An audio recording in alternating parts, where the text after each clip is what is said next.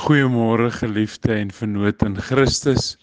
Ons praat weer vir oggend en is vir 'n paar dae besig om met jou te praat oor vergifnis en miskien wil ek vandag 'n belangrike vraag vra wat dalk baie van ons vra en dit is dan wat dan daarvan as ek terugval op my vergifnis.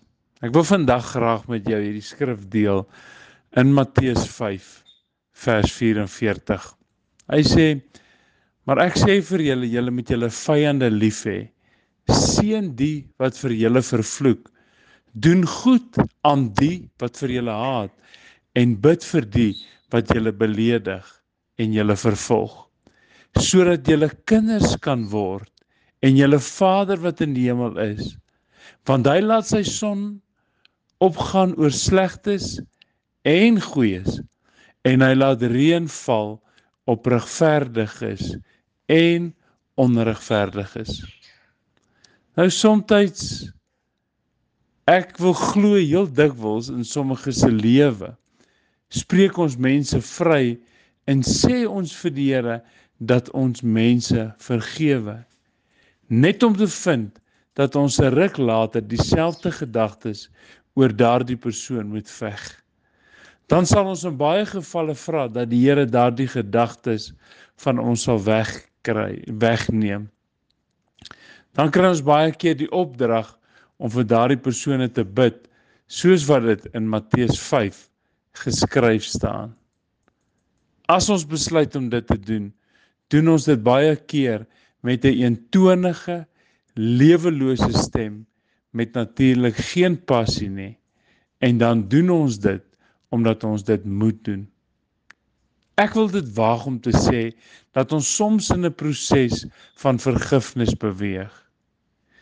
Deel van so 'n proses kan wees om met Dawid te identifiseer en te kyk na Psalm 35 vers 11 en 12. Dit sê as volg: Kwaadwillige getuies staan op. Wat ek nie weet nie, vra hulle vir my. Hulle vergeld my kwaad vir goed. Verlatenheid vir my siel hierdie gedeelte beklemtoon die seer wat ons kan hê omdat ons omdat iemand ons seer gemaak het. Kyk wat sê Dawid verder. Dawid sê dat hierdie mense het probeer om my te vernietig. En dan sê hy dis nogal in 'n tyd of nie net 'n tyd nie, maar ek het dit glad nie verdien nie. Dawid se reaksie was dat hy juis vir hulle gebid het. Wanneer jy 'n diepe besef soos Dawid het, verander jou gebed vir jou vyande. Jou gebed kry lewe en jy begin dat die Here homself aan die persoon of persone openbaar. Dis wat jy sal beginne bid. En jy bid dat daardie persoon geseën sal word met die Here se teenwoordigheid en dat hy die Here intiem sal ken. Jy bid dalk iets soos dat daardie persoon die Here plesier sal bring en eer sal bring aan sy naam. Jy gebid jy bid dalk die gebed wat jy dalk vir jouself sal bid. En vandag wil ek vir jou sê vergifnis is soms 'n reis. En wil ek vir jou sê alle sterkte op hierdie reis van vergifnis en mag hy jou die krag gee om oorwinning te behaal. Kom ons bid saam. Vader, dis 'n wonderlike voorreg om te kan vergewe en te weet dat U ons vergewe het.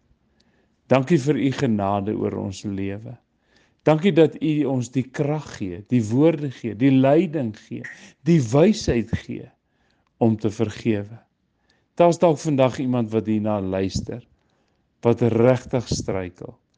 Ek vra Heilige Gees dat U hulle krag sal gee en sal help om oorwinning te behaal. Ek dank U in Jesus naam. Amen.